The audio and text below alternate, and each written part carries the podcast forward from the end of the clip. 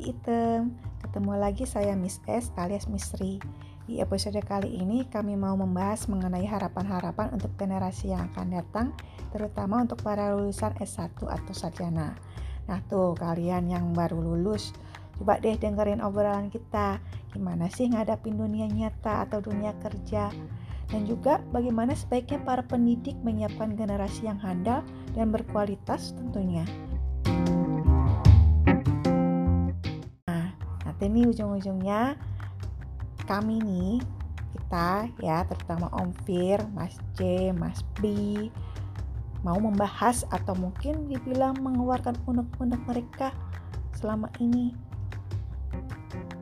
gimana sih suatu perusahaan atau pengusaha membuat seorang karyawan dapat mencintai pekerjaannya dan loyal terhadap perusahaan.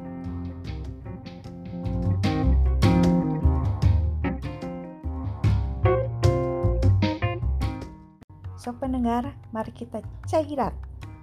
Dengerin pembicaraan mereka yang ngalor ngidul, tapi banyak benernya juga loh.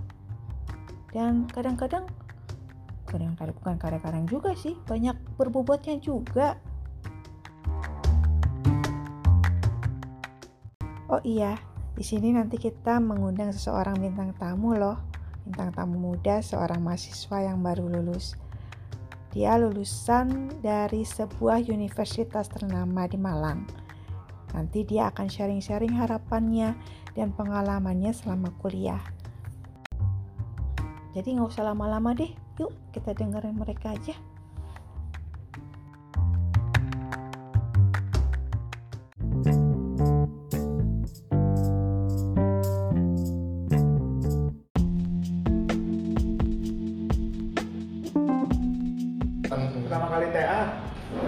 Belajar petrofisik dari nol berarti?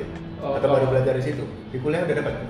Itu sebenarnya kalau petrofisik yang basic di kuliah dapat. Oh dapat. Iya dapat. Cuma yang secara teknisnya baru waktu PKL nah terus kalau topik TA bener-bener yang work typing itu baru bener-bener baru tahu juga waktu PKL itu baru tahu. Oh, oh, ada tentang work typing. Terus ya baca-baca ya udah coba aja TA-nya work typing ternyata. Tapi pertanyaan saya, kenapa menyenangi geofisis? Eh, gitu. nggak sengaja Hah? Nggak sengaja juga. ya dulu dulu sebenarnya pengennya waktu awal-awal malah pengen masuk seni rupa Nah itu makanya kan deviate banget kan? masuk seni rupa terus beralih ke arsitektur terus dari arsitektur Hmm. ke sipil dari mukanya seniman Sama banget, sama banget. sama siapa Sama banget dengan Mas J. Oh, Ya kan? Seorang geologis yang arsitektur. pori-pori batuan. Iya. Dapat ya gitu. saya nggak ngerasa ya ini ngomongin siapa ini? Enggak, tapi kalau saya lihat ke mejanya Mas J waktu ini ya memang petanya kontur. Iya. Sampingnya kontur yang apa seperti batik. Iya. oh oh jadi Diimplement di dalam rumah tapi. Kalau saya sih ngelihat dari awal kenal dia petanya itu itu aja. karena memang dia ini sudah sudah ada. Sampai dia keluar rumah ternyata ini ada gambar baru. masa kerja Aduh. Tapi ya ya ya itu sih. Maksudnya apa? Makanya dari arsitek kemudian geofisik terus kemudian akhirnya gara-gara keterima di situ nyemplungnya akhirnya di situ. Eh, atau sebenarnya seneng nggak? Oh, sebenarnya nanti bisa gambar bisa gitu ya, bisa gambar otodidak gitu ya? Iya. Cepet nggak? Kalau cepet coba digambar. ya dulu eh, pengen kan dari sipil. Terus coba sipil nggak dapet. Terus pikirnya kayaknya kalau mau dulu mikirnya wah kalau mau kaya ke konstruksi terus wah tadi kan sipilnya nggak dapet. Apa ya? Gue permintaan kan Iya, kebetulan ingat ada saudara juga yang kerja di sana dan ceritanya selalu Wah. kagum wah gitu Iya. tapi dia di chemicalnya di kayak petrochemical mungkin dia di Petrochemical. ya, terus tapi sukanya fisika cari-cari Hmm. wah ternyata ada geofisik terus Hmm. ada juga di kebetulan tiba-tiba ju- eh, di Brawijaya ada Hmm. terus coba play langsung keterima dan ya mungkin awal-awal agak tentang Ini ya. Iya, tentang soalnya emang bukan basicnya di situ, benar-benar nol banget. Tapi ternyata di semester 3 ada alumni yang udah kerja terus dia suka setiap Oh. setiap minggu ngajak tentang perminyakan perminyakan akhirnya wah kayak ya? akhirnya Tapi baru di situ geofisika gambar-gambar kan berarti ya? Eh, kalau log dulu masih manual jadi ada masih ada gambar-gambarnya masih Berarti warna warna kurva-kurva aja. jadi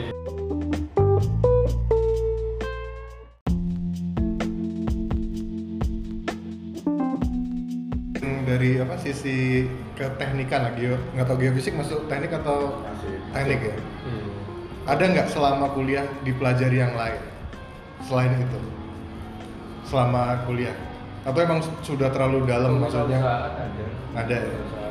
Hmm. Kewiraan paling.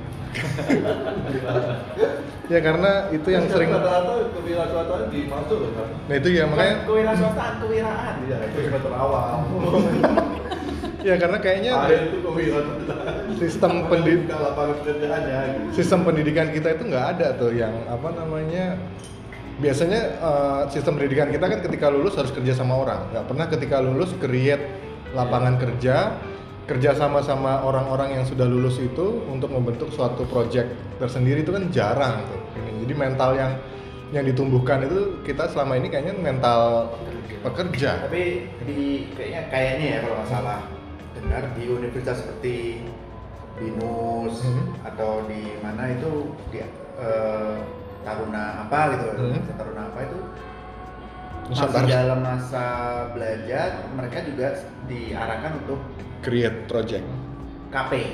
kerja KP praktek. kerja praktek tapi ya benar bagian dari tim sesungguhnya di situ.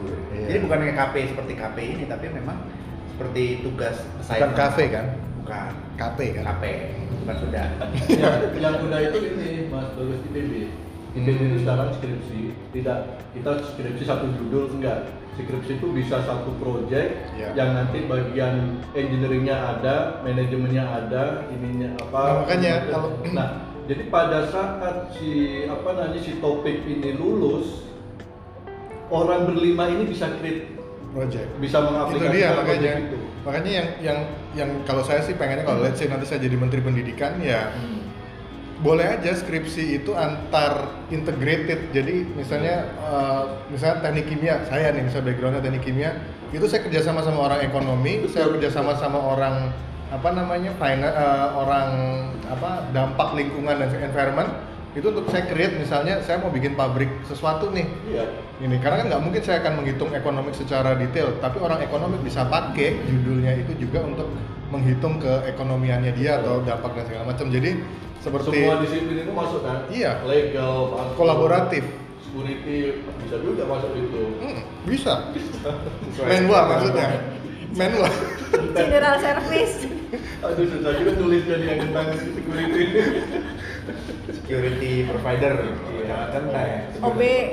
Karena ya kalau saya yang background teknik kimia dulunya emang begitu mas Jay. jadi ya kita detail kan? TA skripsinya tebel-tebel. Tebal karena kan detail dari Betul. proses sampai meskipun at the end skripsi saya sebagai tempat apa?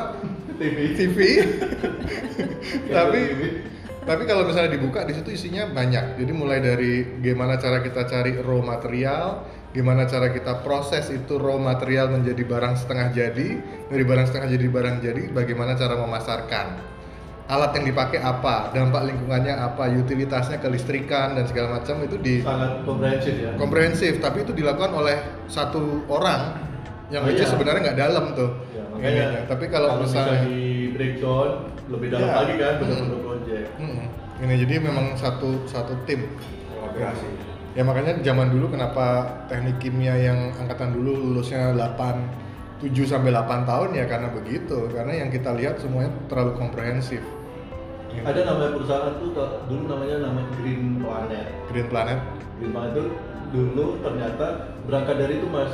Tadi dari topik skripsi tapi di apa di, dikerjakan oleh beberapa disiplin ilmu. Ada orang lingkungan ada orang teknik ada orang pertaniannya ada orang kimianya kalau nggak salah ada 8 orang hanya dia punya satu metode Hmm. untuk apa namanya eh, menghandle handling limbah dengan cara apalah ada line line filling, Iya, iya. line cleaning. Kayaknya saya tahu sih itu perusahaan itu. Ya itu orang nah, ada dia create perusahaan. Begitu lulus dia langsung bikin perusahaan. Ya udah, dia hanya teruskan apa yang dilakukan selama Nah dia. itu yang kita butuhkan sebenarnya. Maksudnya Jadi. dari dari sistem pendidikan kita kan. Jadi kita create orang-orang yang meng-create sesuatu ininya. Jadi dan ya jangan disalahkan maksudnya ketika projectnya nggak berjalan atau segala macam skripsinya nggak jalan, let's say memang hasil akhirnya tidak menguntungkan, tidak memberi manfaat, ya it's fine. Karena kan itu inovasi. Itu S1 atau S2? Satu. S1 kan kalau balik tadi ke penjelasannya Bro, Robi ya. ya. Kan Pola S1 pikir. kan kita pola pikir ya. Makanya kita S1 kalau skripsi itu kan tidak diwajibkan atau diharuskan untuk Enggak. meng-create sesuatu yang baru. Jadi cukup menganalisa, mengevaluasi atau ya mungkin menambahkan lah, memper fine tune lah atau me- menyempurnakan proses yang sudah berjalan gitu. Tapi tidak wajib menciptakan sesuatu yang baru. Tapi kalau S1 misalnya tadi ceritamu kan udah bisa menciptakan sesuatu dan dia setelah lulus dia bekerja bukan secara bukan profesional menciptakan sesuatu dia tuh sebenarnya mengimplementasikan satu metode Satu teori, ya. jadi kalau S2 S1, sih dia S1 itu kan kayak gini ini ada rumus saya aplikasikan Hmm. Iya, iya. kalau S2 ada beberapa rumus saya evaluasi mana yang bagus mana yang tidak itu S2 kan jadi Ya makanya kalau tadi kalau dari S1 udah seperti itu sebenarnya udah Ya, dia kualitasnya udah Karena- S2 sebenarnya. karena, Iya. karena itu dibimbing sama dosen yang bagus Iya. Biar Jadi tidak gitu. tidak melulu menganalisa apa yang sudah dianalisa oleh ratusan orang lainnya gitu. Jadi sekarang Ini ada kan, yang beda. Sekarang tugasnya dosen-dosen itu adalah begini. Pada saat ada topik-topik yang bagus, yang punya nilai jual, itu kan sekarang kebanyakan eh, tesis skripsi yang bagus, ya udah udah jadi buku. Nah sekarang itu tugasnya gimana caranya ini bisa diimplementasikan dan jadi satu project. Nah itu diserahkan sama siapa yang mau nih ada topik bagus nih. Sudah pernah di apa namanya eh, di studi. Tinggal gimana cara mengimplementasikan? Hmm. secara teori udah udah selesai lah mas. Bagus. Lulus. Teorinya gini. Iya. berhenti kan? Oh sayang banget nih bagus. Sekarang tinggal diberikan orang yang mau mahasiswa yang mau tapi di bawah bimbingan dosen-dosen untuk mengimplementasikan. Iya. pasti dia dibimbing nggak mungkin dia. Ya, makanya saya seneng tuh. Jadi maksudnya saya ada beberapa project kan, misalnya yang pengen saya kerjakan tapi pengen paling tidak margin costnya nggak terlalu gede, cari kalau misalnya ini anak-anak S1 atau kalau nggak yang Project apa? let's say misalnya saya mau bikin website lah, oh iya ya kan? Let's say saya mau bikin website ini, cuman saya nggak punya waktu untuk bikin website atau saya nggak punya waktu untuk bikin aplikasi lah misalnya. Yang saya cari ke STM atau apa namanya eh, universitas yang memang ada di situ. Nah nanti D3, ngobrol, D3. ya ada tiga ngobrol sama orang-orang itu mau nggak bikinin ini ini jadi skripsi kalian misalnya seperti begitu. Duitnya dari mana? Dari kita kita ininya. Pengennya seperti begitu sih.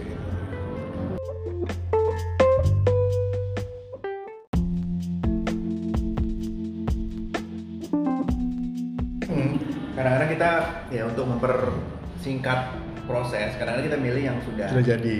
sudah siap pakai. Ya terus siapa pakai? Yang mungkin udah punya pengalaman mengerjakan itu walaupun cuma enam bulan atau setahun. Ya, karena butuh proses kalau mau kita dari itu. ada kan ada ke apa ya bukan kemalasan ya tapi ke keengganan untuk melatih seseorang supaya dia siap pakai soalnya bisa jadi setelah dia siap pakai dia kabur dari kita bisa jadi kan makanya mental seperti itu kan kita kadang-kadang agak ogah gitu ah paling juga ntar bentar setelah jago seperti ibarat tukang masak atau chef kerja di perusahaan apa di rumah makan terkenal dia belajar ngeracik ini bikin masakan itu atau bikin bumbu-bumbu tertentu yang selama ini dia tidak dapat setelah dia jago mungkin dia merasa yakin untuk bisa Buka sendiri, ya itu buka sendiri kalau modalnya belum cukup dia mungkin nyari partner Iya. tapi tidak di tempat yang dia Wajar sih. pelajari gitu bisa aja kan Wajar sih. jadi ya wajar memang nah kan- kadang-kadang keengganan itu menjadi challenge lah ya challenge lagi untuk tantangan orang-orang untuk inilah apa namanya Nah, ini yang bener siap sama yang tadi Mas Jim bilang. Kebayang nggak orang ke, apa namanya running bisnis eh, cleaning service? Bayang, Kebayang kan? bayang. Tapi tidak kebayang apakah iya banyak orang yang pingin pingin bekerja bersihin toilet? Sedikit pasti. Iya. Nah itu kan tantangan. Nah caranya gimana Ca itulah Itu kita caranya. tanya- kita itulah tanya makanya. Mas Ri. Oh nanti kita iklan dulu. Iklan dulu. ada caranya Ada caranya. caranya ada Kalau menurutmu gimana? Nah, itu bisnis muda sampai sekarang itu di kereta api itu ada ser- eh, cleaning service yang Iya real time ya. Ya ke Surabaya ya kerjanya gosok. Ini kereta jalan masih tetap harus gosok, bersih, macam-macam. Tapi manajemen kan berpikir gimana saya cari orang yang memang me- benar-benar mencintai pekerjaan itu. Padahal kita tahu tidak semua orang pingin kerja untuk bersih toilet bekas orang Nah, ya, kencing. Caranya gimana? Ya itu, apa iklan dulu. Caranya bukan iklan. Gimana? Apa? Ya menurutmu gimana? Tadi dia udah udah Saya utarakan caranya saya- gimana? Saya nggak pernah bersihin Iklan dulu. toilet. soalnya. Caramu gimana? Tahu, pernah ya? bersihin toilet. Dia toilet. Toilet doang. Ini bukan soal eh, jenis kerjaannya misalnya yang kasarnya seperti itu, bersihin toilet, yang tidak semua orang mau atau bahkan pekerjaan yang high demand juga caranya gimana supaya kayak chef ya. Hmm. Chef kan juga seiring dengan pertumbuhan orang banyak kuliner kuliner segala macam kan pasti banyak food food market yang buka gitu atau restoran yang buka. Nah, caranya gimana ngekip employee supaya atau pegawai supaya dia betah? jangan jangan ngekip dulu ngekip, ngekip dulu deh. Bagaimana caranya orang interest? Interest ya mungkin itu dua Eh, dua hal yang beda ya. kalau interest kalau misalnya adalah ini. Mungkin kerjaannya harus ada ini benefitnya benefit bagi dianya apa gitu. Kalau benefitnya dia oke bisa eh, menurut dia cukup gitu untuk dia ya mungkin dia akan cinta tapi kan orang pasti akan ada kepuasan orang tuh begitu misalnya cukup dia pasti akan pingin lagi yang lebih pingin lagi yang lebih Iya. saya Nah, dapat misalnya 100.000 ribu per minggu dari bersihin 5 toilet atau toilet di lantai satu tapi kan Jadi- dia dengar-dengar mungkin dari sesama OB atau sesama cleaning Iya. service dia oh Kita, kita- kita dengarkan yang pengalaman bersihin toilet. nah dia mungkin Bukan. pingin jadi ternyata lebih gitu. gini tetangga saya satu komplek dengan aku Hmm. nah dia cerita jadi dia cerita jadi tantangan di dunia cleaning service itu adalah orangnya keluar masuk keluar Ya, masuk. lima hari keluar ini keluar. Itu kan proses kan? Hmm. proses membangun image bagaimana caranya perusahaan ini adalah perusahaan yang dibutuhkan oleh orang yang memang bekerja di situ. Hmm. memang tidak tidak banyak yang lama. Yang lama artinya yang benar-benar downgrade Ya. lulusan lulusan SMP kayak gitu kan. Ternyata ini J cara tadi kan ngekip ya gimana cara ngekip ternyata cara mereka ngekip itu adalah manajemen itu care dengan keluarganya. Begitu dia merasa dimanusiakan begitu dia merasa dianggap sebagai bagian dari perusahaan bukan pekerjanya keluarganya. Itu ternyata efektif. Misalnya ini sepele anaknya ulang tahun. Manajemen itu cuma ngasih ucapan titip buat anaknya. Mungkin dikasih kotak pensil. Hmm. nah di situ merasa bahwa oh ya aku ini dianggap ya jadi dia merasa nyaman jadinya bukan masalah kerjaanku kotor gajiku kecil enggak dia merasa oh tidak aku saja yang dianggap sebagai bagian dari perusahaan tapi anak sama istriku simple jadi ya ada ininya sih ada ada Ya, bring uh, family to company. Hmm, ada perubahan. Jadi Ya. kita kadang melakukan hal yang kecil tapi efeknya gede banget. itu bisa Hanya- satu tuh satu bisa tuh hanya, idea hanya ucapan aja. Eh, eh, kok kamu pulang ini? Iya lagi. Nanti titip salam ya buat anaknya. Kelas berapa naik ini? Itu kan walaupun itu kadang-kadang sulit dipercaya ya Sulit. itu aja kok bisa Iya. membuat seseorang betah ya Itu Misalnya Mbak J nih, dipercaya. disuruh kerja sampai jam 7 malam. Eh Mbak J, makasih ya Mbak J, titip salam buat anaknya, pasti nyariin. Itu udah seneng banget. Misalnya kamu misalnya kamu bosnya, aku, aku lagi masak-masak gitu. misalnya. Oh, Ini real, real, lagi real case. Kamu lagi buka petrel, kemudian coba. Masak-masak. tapi banyak tuh kejadiannya kayak pembantu pembantu Iya makanya real case. Itu suka Coba coba real case coba. Aku udah jam pulang, bilang aja dia bilang bilang. Bilang dia bilang. Bisa jangan selamat ya. Bukan yang tadi salam keluarganya ya coba bilang. Bilang. Oh iya, J. Ya. Titip salam ya buat anaknya ya. Sampai sendiri. Nggak lihat lagi sibuk. Dia sampai berdua lagi sendiri. sibuk. Enggak, berarti salah ngomong. Titip salam ya buat istrinya. Sampai sendiri. Aduh. Ya, makanya itu makanya tadi aku itu contoh itu maksudnya aku sampaikan tadi contoh ini kadang-kadang harus to believe ya susah Betul, dipercaya betul. apakah bisa berhasil seperti itu ada juga yang pesimis wah masa dengan kayak gitu aja bisa membuat seseorang betah kayak kayak bekerja. pembantu aja pembantu kan Di samping ini ya, di, di lingkungan samping ini ya. sebenarnya ada kayak ini Iya, pembantu, pembantu tapi kan suka kita kan ganti. kita, kita, yang- kita bapak-bapak itu jarang bersinggungan dengan pembantu biasanya ibu-ibu ya Iya. mungkin kayak Sri ini punya pembantu Iya. tiga ya di rumah ya Empat lah dia. Eh, empat, Empat. Oh, oh, tiga tiga kabur yang satu kagak tinggal satu yang sekarang empat ngelamar Maksudnya Mas J, iya yang lagi ngosek itu. iya ya kayak pembantu kayak diperlakukan keluarga sendiri aja kayak makan ya makan bareng gitu ayo makan makan sama ya benar gitu. untuk bantu ajak makan bareng. Iya bisa, iya. Ayo, ayo makan, makan. Oh, kadang Jangan majikannya makan belum bareng. Tapi kembali lagi sih, maksudnya kalau itu agak bagi sebagian orang mungkin agak risih ya maksudnya kecuali pembantu yang udah ikut puluhan tahun yang udah mbok-mbok itu mungkin iya dia ke keluarga tapi kalau pembantu yang baru bulanan atau Iya. Enggak kok. Istilahnya Gua aja belum belum ada sebulan. ada nah itu orang di beberapa mungkin sebagian besar orang akan tidak memperlakukan seperti itu itu hanya case by case aja sih Tapi yang- di kamu iya. aja di sini Nggak, tapi Di kamu aja tapi yang jelas sih emang maksudnya cara berpikir kita harus masuk ke dalam cara berpikir mereka. Jadi gapnya tuh harus disamakan tuh, Iya, maksudnya. dan kita harus mau nurunin Iya, jangan untuk- nuntut dia untuk naik Iya, jadi cara berpikirnya kita tuh harus brup, masuk ke situ tuh ininya. Kadang memang kalau apa asisten rumah tangga saya ya seperti begitu. Saya nggak bisa nih menerapkan pemikiran saya ke dia, tapi kita pahami dulu nih apa yang dia mauin ininya. Tapi emang ya nggak bisa Kalau aku juga. caranya aku ke Carrefour beli pecutan yang buat Bisa. Lempeng loh. Ini mah Gitu dia. sehari langsung sehari langsung kabur ini. mereka ke atas ya ayo Stephen Stephen Nggak, kita harus menempatkan juga porsi kita sebagai Iya. soalnya nanti bisa juga Atau kalau enggak memang kita- melunjak. Nah, Iya. itu melunjak kalau mereka kan mungkin pendidikan, Hmm. Level pendidikan yang terbatas, Iya. mereka bisa punya tidak akan memikirkan seperti itu. Mereka akan Atau kita beli ininya, maksudnya kita kita beli pendidikan anaknya. Tahu nggak maksudnya? Nah, enggak makanya itu itu Ya, bagus sebenarnya. Nggak, ini kan sebenarnya bukan ngomongin ini kan kita employee ya, bukan ngomongin karyawan seperti itu. Kalau itu kan support staff lah ya. Hmm. Kita employee gimana misalnya kita kita punya perusahaan mau bikin pabrik segala macam mau kolaborasi dengan orang, tapi kita gimana cara ngekip supaya karyawan Ya, kita ya. merasa senang bekerja di situ tanpa me- mereka mempersoalkan oh Iya. gaji itu tetap gaji yang standar lah istilahnya gaji standar tapi kan kadang-kadang di luar gaji Itu makanya mereka ya. pingin lebih Iya. Pengen dihargai gitu ya. Dihargai. I- itu makanya kenapa di korporasi besar itu ada yang namanya beasiswa buat anak, Ya. iya kan? Ya. Beasiswa buat karyawan. Nah, itu itu, kan kalau korporasi besar korporasi Nah, besar. sekarang kita misalnya perusahaan kecil bisa juga Mas J. Let's say dia punya anak SD, Hmm. ya kan? Hmm. 6 tahun kan? Ya. Jadi kita biayain aja misalnya Ya. let's say makanya Peng. poinku juga sama Jadi- tuh sebenarnya poinku juga sama Iya, jadi dia ketika dia ngeliat, oh ini saya kerja di sini tapi anak saya sudah saya nggak perlu mikirin pendidikannya dia Hmm. nih.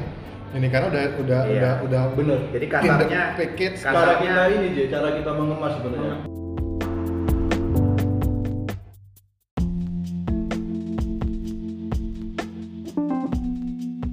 Topiknya ini apa nih? Kita lagi ngebahas Nggak ada Ini kita- bagaimana membuat Heeh. karyawan ya bukan Karyawan, makanya kita oke. makanya aku ingin membedakan antara itu makanya topik itu mungkin Nah. lebih berat gitu ya Iya. Jadi sebenarnya awalnya aja. kita ini loh. apa? Resesi. Bukan tentang Nah, makanya ini. iya apa nyambung nanti nyambung ntar dulu nanti nyambung Kita, kita itu uniknya di situ ngomongnya judulnya apa ngomongnya gimana Awalnya Iya. kita kita ada bintang tamu nah nih Mas AJI nih AJI Iya, ini AJI. Ini inisialnya berlaku untuk cinta Indonesia karyawan baru dan karyawan lama Ini. misalnya Eh, kenalin dulu dong Mas AJI ini siapa? AJI ini siapa? Mas AJI ini. calon karyawan Calon karyawannya baru. karyawan baru lama paling lama AJI itu kan mau lulus ya, dia baru sidangnya. Udah lulus. Udah, udah lulus. Udah. tinggal wisuda ah, jadi Nah, gimana supaya si AJE ini kalaupun kerja di suatu perusahaan maupun besar maupun kecil, dia bisa em, serasa betah atau kerasan. Bukan hanya ke karyawan baru, tapi karyawan lama pun juga seperti itu gitu loh. Karyawan Misalnya dia udah merasa dia dengar karyawan misalnya siapa? siapa? Om F. Mas Fir. Mas Fir. Oh, bukan Om F. ya tapi kalau kembali lagi sih apa Mas J jadi kalau yang apa karyawan baru itu dia pasti pertama yang dia cari adalah pengalaman, Pengalaman. Ya. Karyawan baru mungkin ya Mau lebih mau harus loyal. lebih Iya. lebih bukan mau nggak mau no choice No nggak ada pilihan dia Iya. Mungkin pengalaman dulu, nyari pengalaman dulu yang lebih diutamakan. Tapi kalau seperti Om F ini kan mungkin pengalaman udah dapet, skill juga udah mumpuni. Sekarang dia denger-denger juga di tempat lain dia bisa dihargai dengan kompensasi yang lebih. Iya. Kenapa enggak Iya. Gimana bisa ke tempat lain? Gimana? Misal ya. Misal, ya. Ini kan misal. Yoman. Jangan jangan jangan gagas gitu. Makanya itu dia. Om F tuh banyak loh, Om Farid, Om apa Fuad. Cuma nunjuknya aja ke sini. Yang di sini yang di podcast nggak tahu nunjuk ke mana. Jadi gimana supaya ngekip si Om F ini kerasa? Salah satu ini tadi kan kalau misalnya siapa supervisormu? Eh titip salam sama yang di rumah. Bahas sih lu kayak gitu kan? Ya, jadi mungkin udah it doesn't work for him anymore kayak gitu lingkungan lingkungan kerja kita nggak bisa Nah, digitukan. tapi kalau yang tadi itu masih bisa diterapkan, misalnya dengan Biasa. WhatsApp. Jangan senang loh kalau dikasih WhatsApp itu, WhatsApp itu sebenarnya ngikat. Kita, ya. Atau WhatsApp atau misalnya dana pendidikan. Ya, jadi Mungkin banyak- pendidikan itu pengaruh juga ternyata ya. Iya, itu untuk Mungkin malah malah salah paham juga. Mengambil hati kita. Salah ya, salam ya gitu. Mungkin nggak cocok buat kita. Iya, kita betul. lebih cocoknya naik gaji. Iya, Makanya a- ada di episode selanjutnya itu uh, mungkin kita bisa bahas juga mengenai yang namanya toxicity of positivity. Jadi kita berbicara positif itu belum tentu positif buat orang yang menerima. Oh. Itu. Itu toksis? Kita Toxicity, Racun. ya toxicity of positivity. Jadi misalnya saya menyemangati Mas J pada saat dia terpuruk belum tentu ketika saya menyemangati dia menjadi positif Iya. ininya. Bisa Jadi jadi terpuruk. malah tambah terpuruk Bisa ininya. malah Jadi bisa malah ngamuk juga bisa. Kadang kan misalnya let's say Mas J dapat kesusahan saya bilang ya udahlah relakan saja. Saya bilang begitu kan. Belum tentu Mas J ini. Lu saya kan Iya. seperti begini kok kamu nyuruh saya merelakan. Kalau lihat karakter Pak Jadi tipe tidak orang yang nggak ngamuan. Iya, tapi itu untuk di Tapi episode ngegas. kita, tapi itu untuk episode kita selanjutnya sih, yang mungkin pemirsa nanti akan cek di episode kita yang mengenai, Biar pemirsa penasaran kita kasih iya. clue-cluenya. Hmm, cuman kembali lagi ke masalah kegalauan kita ini adalah ketika bagaimana sih sebenarnya karyawan baru ataupun yang punya perusahaan untuk memanusiakan karyawan baru Karena karena kita udah dapat dua input tadi. Iya. Satu titip salam. Yang Iya. like it or not, apa true or false itu mungkin bisa berhasil, bisa, Bisa, enggak? bisa, bisa ya. berhasil, bisa enggak. Di, Makanya di- tergantung di company yang sangat gini, kekeluargaan Bro, itu jadi- bisa berhasil. Bro J, jadi sebenarnya bukan titip salam Iya. ya. Lebih ini lagi itu sebenarnya kita menganggap keluarganya bagian dari Ya, kita. ya. So ya Apa? Poin, aja bisa poin kita pertama itu adalah ya kalau sakit kirim bunga atau Bunga, apa atau pokoknya merasa mendapat perhatian atau atensi yang lebih lah daripada hanya sekedar keluarganya karyawan. Iya. Yang kedua kan tadi dengan me- mengikat Mengikat, sebenarnya. Mengikat iya. mereka dengan yaitu beasiswa atau uang. Ya atau mungkin atau cicilan tanpa cicilan, bunga. Benar tanpa bunga kayak model ulsa kalau di kantornya Hmm, kemudian Ada ini kantor yang jaminan terkenal di Indonesia jam- lah. jaminan Kesehatan. kesehatan. Kesehatan. Ini jadi maksudnya platformnya di atas dari BPJS meskipun ya, ini yang kita bicarakan ini adalah opsi di mana naik gaji atau promosi sudah tidak bisa dilakukan lagi. Jadi ya kan? Jadi misalnya Mas Bro B Bro B punya sebagai pimpinan perusahaan tapi karyawan minta naik gaji. Ya. Nah, tapi opsi yang diberikan oleh oh nggak bisa naik gaji Nggak bisa, ya. bisa karena kondisi situasi Ekonomi. macam. Nah, pilihannya tuh apa? Ya ini tadi pilihannya. seperti tadi. Jadi makanya ya seperti yang Mas J bilang bagaimana sebenarnya expand yang harus kita keluarkan sekarang Ya. kita belah menjadi beberapa term. Itu yang yang harus apa company pikirkan. Iya. Jadi mungkin secara earningnya dia menjadi berkurang, tetapi sebagai longer Iya. longer penerimaan pendapatannya dia mungkin ya secara ya kembali lagi Iya, sih benar. ininya karena mungkin nanti di episode selanjutnya kita bisa berbicara mengenai income income itu banyak tuh ininya Makanya itu ada dua. Kalau dari Ibu S ada masukan nggak? ibu ST Ibu ST jadi moderator. sih. Apa lo sering masukan lo? yang membuat orang nyaman aja Hmm, apa? bekerja situ ya ya satu lagi mungkin bisa saya tambahin give karyawan employee kepemilikan dari perusahaan Itu sebenarnya usulan yang mau saya ngomong. Tapi saya nunggu Sri dulu. Oh, oke, Oh, oke. pendidikan enggak Jadi opsi untuk give them portion of ownership. oh Iya. Jadi misalnya bisa saham, bisa, Bisa.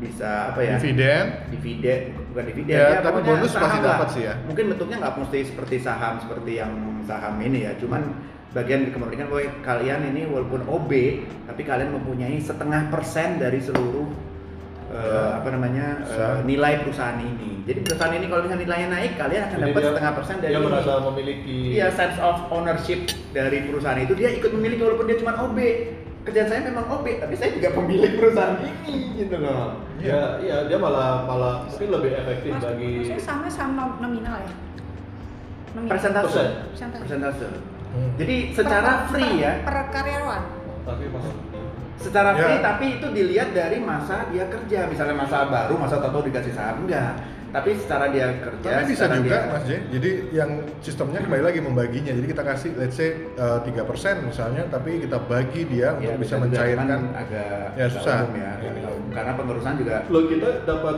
dapat itu dapat saham itu bagian dari itu kan Bagian, Merrill itu bagian. bagian meskipun bisa kita jual Jadi gini, perusahaan itu bisa menerbitkan saham banyak. Bisa, let's say misalnya company ini punya satu miliar, dia dia bilang bahwa satu miliar lembar saham, satu lem, satu lembar satu rupiah misalnya. Nah itu bisa dibagi nih. Pemilik terbesar tentu saja yang yang mengeluarkan duit paling banyak, let's say 500 juta lembar dipegang oleh sebuah pihak, satu pihak 50%. Nah, sisanya yang 10% ini mungkin bisa bagi-bagi ke employee. 10% dari misalnya let's say perusahaan itu punya 10.000 employee, ya udah 10.000 artinya 10 10.000 lembar nih. nah Ini ya. perusahaan kan niatnya adalah ini adalah bagian dari ret- retention Hmm. biar orang betah sama kita gitu Iya. kan Hmm. tapi kan kenyataannya mungkin 75% orang pada jualin saham Bisa, bisa jadi. ya kan Jadi Oh, kalau enggak, artinya sebenarnya tidak saham itu bisa diuangkan setelah satu tahun setelah misalnya tiga tahun kepemilikan atau kalau dia conduite performanya Iya, iya. bagus jadi kita kasih term and condition gitu Nah, jadi tadi mau ngomongin bukan. Santa Claus Iya, iya, betul. nih ada saham banyak Tadi, tapi ini- ini ngegas nggak ini? bisa keluar 100% ya ngegas dia. ini ngegas ini ngegas. nggak nggak bisa keluar 100% juga kan Nggak bisa ya. Tergantung porsinya berapa yang mau dibagi oleh dan perusahaan. satu persen itu bisa nggak melulu dari bagian dari retention jadi misalnya kita punya program perusahaannya CSR Kan ya itu CSR itu apa? Corporate Social Responsibility atau program misalnya ini kita ambil aja dari situ. Ya, yang makanya- misalnya program promosi atau pasang iklan di mana, tapi kita nggak semuanya kita ambil misalnya berapa persen dari program dana budget iklan kita untuk yang seperti kayak gini-gini. Iya, benar. Misalnya untuk 0,05 persen aja mereka udah Senang. gila 0,5 persen kalau misalnya kita perusahaan kita Kerjanya ininya bagus. 5 miliar Iya. mereka udah ini dan itu bisa diuangkan setelah tiga tahun atau lima tahun bekerja jadi mereka akan betah tidak akan memikirkan untuk keluar at least dalam jangka waktu tiga atau lima tahun dan mereka mesti menjaga performance mereka Iya. supaya baik-baik terus ya kan kayak PA PA gitu lah kalau performancenya Nah, tiga atau empat mereka mungkin Se- sebagai karyawan baru gimana nih sana supaya saya betah? Nah, karyawan itu- baru, karyawan baru kan model ininya kan mungkin mencari pengalaman baru. Makanya itu tadi aku bilang kalau karyawan baru kayaknya Agak saham susah. itu Tapi nggak nggak ini disalahkan ya. juga ya, maksudnya Nggak. karyawan baru. Not really important buat karyawan itu sendiri. Yang penting saya dapat pengalaman. Tapi kembali lagi sih, seperti Mas J bilang, quote-nya adalah cintailah pekerjaanmu, jangan cintai perusahaanmu. Hmm. iya itu ada sambungannya Apa? Di saat kamu sakit perusahaan nggak mikirin kamu Bukan, itu quote-nya tuh aku ada tuh. Oh ya, coba coba dicek dulu. Di Google. Coba aku jadi keinginan buat sesuatu ya, sesuatu quote ya. Bentar, bentar, nah. Lanjutin ya, lanjutin, lanjutin. Ya, jadi yaitu cintailah pekerjaanmu, tapi jangan terlalu mencintai perusahaanmu. Iya betul. Tapi kalau bagi calon karyawan baru ya sudah menjadi karyawan, memang posisi kita adalah kita posisi yang butuh. Hmm. Jadi manajemen nggak terlalu nggak ngikat kamu juga nggak apa-apa. Hmm. Jadi memang kita harus tahu diri saya ini siapa, saya karyawan baru yang sedang membutuhkan pengalaman. Jadi kamu harus tahan-tahan. Ya kamu nggak akan diapa-apain sih. Memang apalagi kalau perusahaan besar kan sudah punya standar, standar gajinya sudah ada. Terus scope Ya. apa eh, scope of work-nya juga nggak aneh-aneh lah. Nanti apa dibimbing, ada pelatihan ini, pelatihan itu yang kamu ambil sih tiga tahun. Iya. Gitu. Ya yang jelas kalau karyawan baru carilah ilmu sebanyak-banyaknya di perusahaan itu sih. Ini ya. Itu karyawan baru ini ya. Jadi let's say uh, misalnya kamu ada di apa departemen yang tidak sesuai dengan apa yang kamu inginkan ya nggak apa-apa gali aja di departemen itu. Terus selanjutnya nanti dipindahkan ke departemen lain ya nggak apa-apa. Ini karena itu dari situ ada yang bisa didapat ketika nanti let's say perusahaannya collapse ilmu yang didapat dari perusahaan itu bisa kita jual. Nanti di CV bisa tulis bahwa saya ini pernah ada mengurusin masalah uh, supply chain management meskipun backgroundnya dari teknis. Nah pengalaman dari supply chain ini bisa kamu pakai untuk ke perusahaan-perusahaan logistik misalnya ininya. Atau Eh, atau mungkin pengalaman pernah di bidang environment untuk ngurusin izin perizinan segala macam. Nah itu bisa dipakai untuk men- membuat sebuah perusahaan baru misalnya konsultan atau segala macam. Jadi makanya selama kita untuk orang baru ya maksudnya selama bisa menggali ilmu sebanyak-banyaknya di situ sih it's okay Iya. Nah makanya nih ada ada quote yang Oke. Tadi uh, Mas Agus bilang apa tadi? Eh, hah? Ombi ya Janganlah mencintai, ya cintailah Eh, cintai. pekerjaan. Nah, Jangan perusahaanmu. Jangan salah. Itu mungkin it works for employee yang udah lama. Hmm. Kalau yang baru, nah makanya Yang yang, aku bahasa Indonesia aja berdasarkan waktu dulu di- papi di sana ya. di Eropa. Eropa ya. Ya Eropa. bahasa Indonesia aja Iya iya. ininya Di Jalan Pilihlah- Oklahoma. Ini bahasa bahasa Indianya dulu aja. iya oke Choose your life on what you want to do, not based on what people told you to. oke bahasa Indonesia nya Told you to. Jadi ya kamu harus memilih hidup kamu berdasarkan apa yang kamu mau lakukan. ya bukan berdasarkan apa yang orang suruh kamu untuk melakukan. Oke. Nah, itu mungkin works better kalau employee lama. Hmm. Kalau employee baru mungkin dia akan nyari Bisa. poinnya, Ya. nyari poin performance dia dengan apa? take orders, Hmm. take the orders. Misalnya eh, suruh coba rock typing ini apa atau analisa log ini apa, dia pasti akan karena itu bagian dari pengalaman Ya. learning curve-nya dia. Hmm. Jadi beda kalau misalnya dia tidak punya Coba, ya. bargaining, bargaining power. Tapi kalau pro- karyawan lama mungkin lu ngapain nyuruh-nyuruh gua, gua nggak nggak Ya. performance gua juga segini. tapi yang paling penting satu nih nanti untuk buat karyawan baru itu cari mentor yang benar-benar oke karena itu akan menjadi mentor yang paling diingat sepanjang karirnya kayak saya dulu kebetulan saya dapat mentor yang oke banget ketika saya mulai kerja di situ saya ingat terus dia sampai sekarang how the way he thinks how the way make something apa accomplish segala macam itu saya keinget banget. Terutama satu kedisiplinan. Kedua jangan meremehkan orang yang ada di sekitar kalian karena kalian nggak pernah tahu siapa channel orang tersebut. Iya. ininya. Terus kemudian nomor tiga adalah eh, jangan berbohong. Gitu. Once we apa dishonesty then nggak akan mungkin karena semuanya terlink. Dunia ini semuanya Trust ter- gitu ya, ya trust. Ininya. Itu ini apa namanya yang saya dapat dari mentor saya atau bos saya dulu yang benar-benar menempa saya ininya. Sehingga ya dia bilang sama saya waktu itu ya kamu pelajari aja ini seperti begini nanti kita kebetulan dia punya perusahaan dia bilang kamu boleh aja nanti akan apa is a part of this company kamu saya kasih saham ataupun kamu mendirikan perusahaan yang sama seperti kita even kita bisa kerja sama sama kamu saya bilang gitu. Apa dia bilang begitu? Selama hubungan baik kita selalu terjalin karena ya kita sama-sama jujur kita sama-sama disiplin gitu. Nah makanya saya bilang mungkin quote yang paling bagus ketika karyawan baru ketika masuk ke sebuah perusahaan carilah mentor di situ yang paling oke.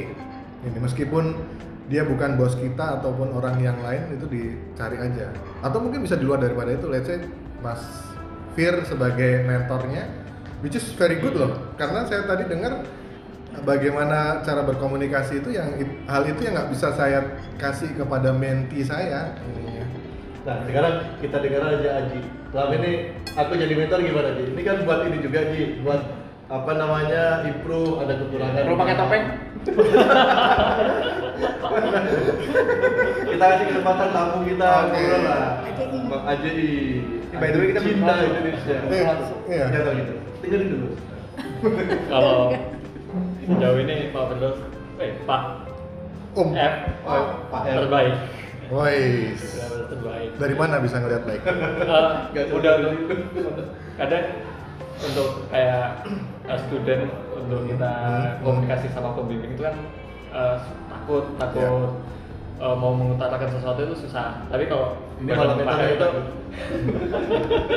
itu udah eh, asik terus kita lebih banyak sharing jadi ilmu yang didapat juga makin banyak Iya. gitu. komunikasi komunikasinya enak banget Oke, ya itu sih bagus ya. Kalau saya terus terang dulu sebelum ada covid saya selalu punya menti 9 orang dari ITB yang biasa kerja praktek. Biasanya saya yang mentorin dan rata-rata saya push their limit to the max. Karena kenapa? Nanti dunia kerja menuntut kalian untuk push your knowledge to the limit ininya dan stamina dan segala macam. Jadi makanya mungkin Mbak Sri bisa bisa cerita juga sih nantinya bagaimana saya men-treat menti saya yang apa namanya em, benar-benar saya kasih persoalan itu yang it's a real. Jadi data-data yang saya kasih data-data real dan tidak ada benar dan salah. Jadi they can express apa yang menurut mereka benar, saya sih terima. Karena belum tentu apa yang saya kasih juga benar. Ini menti keberapa ya? Hmm? Aji ini menti keberapa? Haji ini ke- empat. Tadi sebenarnya ada satu poin itu yang di apa namanya yang diharapkan employee yang fasenya udah fase manager ya, fase manager itu udah matang kayak Nah, makanya. aku lah udah kelamaan itu kita itu ingin menuntut kita diberi keleluasaan kita diberi authority untuk menyelesaikan pekerjaan dengan cara Iya. bukan dengan cara manajer That's why Balik, we balik lagi ke quote tadi. Kalau lama kelamaan pasti kita akan berpikir Iya. Bukan based on what people told you to. Jadi pengennya ada independensi kan, Iya. bukannya disuruh-suruh terus kan. Bener. Makanya lama itu jadi belajar udah lama. pasti pengalaman berpikirnya dari gitu. beberapa manajer ini akhirnya oh iya jadi ternyata supervisor itu mempengaruhi ritme pekerjaan kita Iya. pada saat si manajer itu mengerti bahwa oh Firdaus itu nggak suka diarahin itu nanti lu gini kamu tanya ini yang begini ini nggak suka Iya. ternyata Firdaus lebih suka dilepas tapi tetap Nah, pegangin Dipegang. Iya. Iya. Jadi ada Jadi beberapa mana? supervisor yang nggak sadar kalau dia tuh melakukan micromanagement sebenarnya. Jadi terlalu pingin tahu secara detail. Padahal Iya. mungkin untuk employee yang udah lama kayak Iya. gue pertama kali aja ngerjain. Nah, Gua itu pertama kali aja gitu. apalagi di dalam suasana meeting terus, eh nanti gini-gini, Nah. Nanti nah, ya saya mau ngerjain tuh saya lebih ngerti namanya. Kayak gitu kan ada hal kecil tapi sangat ini. Itu bagi orang yang udah mature, Nah, sangat sensitif. Tadi- Hanya gara-gara ngomong aja udah tersinggung. Kalimat awal dari quote tadi choose your life Hmm. on based based on apa gitu loh. Nah, Based choose your you. life not based on people Say to told you. eh, say to you tapi based on what you want What to you want do. to do kan choose your life nah sekarang dengan pengalaman segini level segini itu kira-kira kamu Ya. tetap memilih your own life Oh, Seperti kalau apa? kalau Company need berarti. kebetulan kebetulan mungkin situasinya atau kondisinya di kantor itu bukannya people told you to kan udah enggak kan kayaknya udah ada kayak gitu juga nggak kalau kalau aku tuh sifatnya aku lebih fleksibel. Jadi fleksibel tuh begini, aku kan menghadapi tipe-tipe orang itu udah bermacam-macam. Ya. Jadi apalagi di services ya pernah di services ya lah, di service apalagi ngadepin security. Nah, ngadepin security aja gue udah bawa belur, apalagi cuma ngadepin orang di kantor yang eh, nanti Iya. gini ya, ya cemen. Udah dengarkan aja, tapi kita keep apa yang kita ini. Nah, makanya mungkin- cara mengemas ini aja sebenarnya, Ya, tanpa menghindari episode- konflik, Ya. ya kan Di- menghindari konflik, Hmm. tapi kita memilih diri kita sendiri. Betul. Gitu. Jadi gini, aku bikin kamu senang. Oh ya, iya mas, aku nanti gini mas. Tapi aku punya jalan sendiri. Yang penting resultnya oke dan Mas J happy. Makanya di episode berikutnya mungkin kita bisa bahas mengenai how to be a good leader. Ini ya, Tuh. karena banyak banget episode kita kan katanya seksi terus episode ART Karena kita nggak paham resesi, jadi menghindar. Terus Ya, episode baca dulu resesi itu apa? Tahu nggak? terus. Ya makanya how to be good leader itu it's another part lagi karena kalau saya bilang to be a good leader should be to be a good listener. Jadi bagaimana untuk menjadi sebuah leader itu harus bisa punya kemampuan untuk mendengar. Ini. Makanya ada orang bijak bilang sebenarnya kita bekerja itu adalah seni art. Out of work. Jadi bagaimana menyikapi orang bahwa entah itu bawahan, entah itu manajer, entah itu Iya. rekan kerja itu sebenarnya bukan karena kita merasa pintar tapi gimana kita bisa membangun ini aja Iya. sebenarnya. Ya itu dia. Ngemas. Oh Mas- sholat lagi nggak? Sholat dulu Iya, nggak? ini sholat dulu ya. Ah, Ini itu kan sholat. satu orang ya? Kecil, gantian. Oke. Yang senior tuh. Oke. Ya kayaknya cukup ya untuk episode kali ini. Oke, membahas guys. membahas pemirsa. karyawan dan perusahaan. Ini kalau judulnya resesi, orang tertarik. Ini pada resesi. Ya mungkin apa eh, kopi hitam yang seruputnya sore hari nanti eh, bisa kita bahas. Tadi banyak sekali sih sebenarnya yang bisa kita ambil ya, yang bisa kita bahas lebih detail. di Kita catat episode- tadi ya apa poin-poinnya. episode berikutnya. Jadi uh, stay tune dengan kita. Uh, silahkan untuk menikmati episode kita yang kali ini. Uh, untuk ke depannya nanti bisa dicek di Instagram buat para sponsor kembali lagi. Uh, kita terbuka untuk uh, mendiskusikan mengenai produk apa yang uh, akan kalian launching sehingga kita bisa uh, bantu untuk menjelaskan kepada para pemirsa uh, kopi hitam yang seruputnya uh, sore hari. Oke, thank you. Sampai ketemu lagi. Ciao.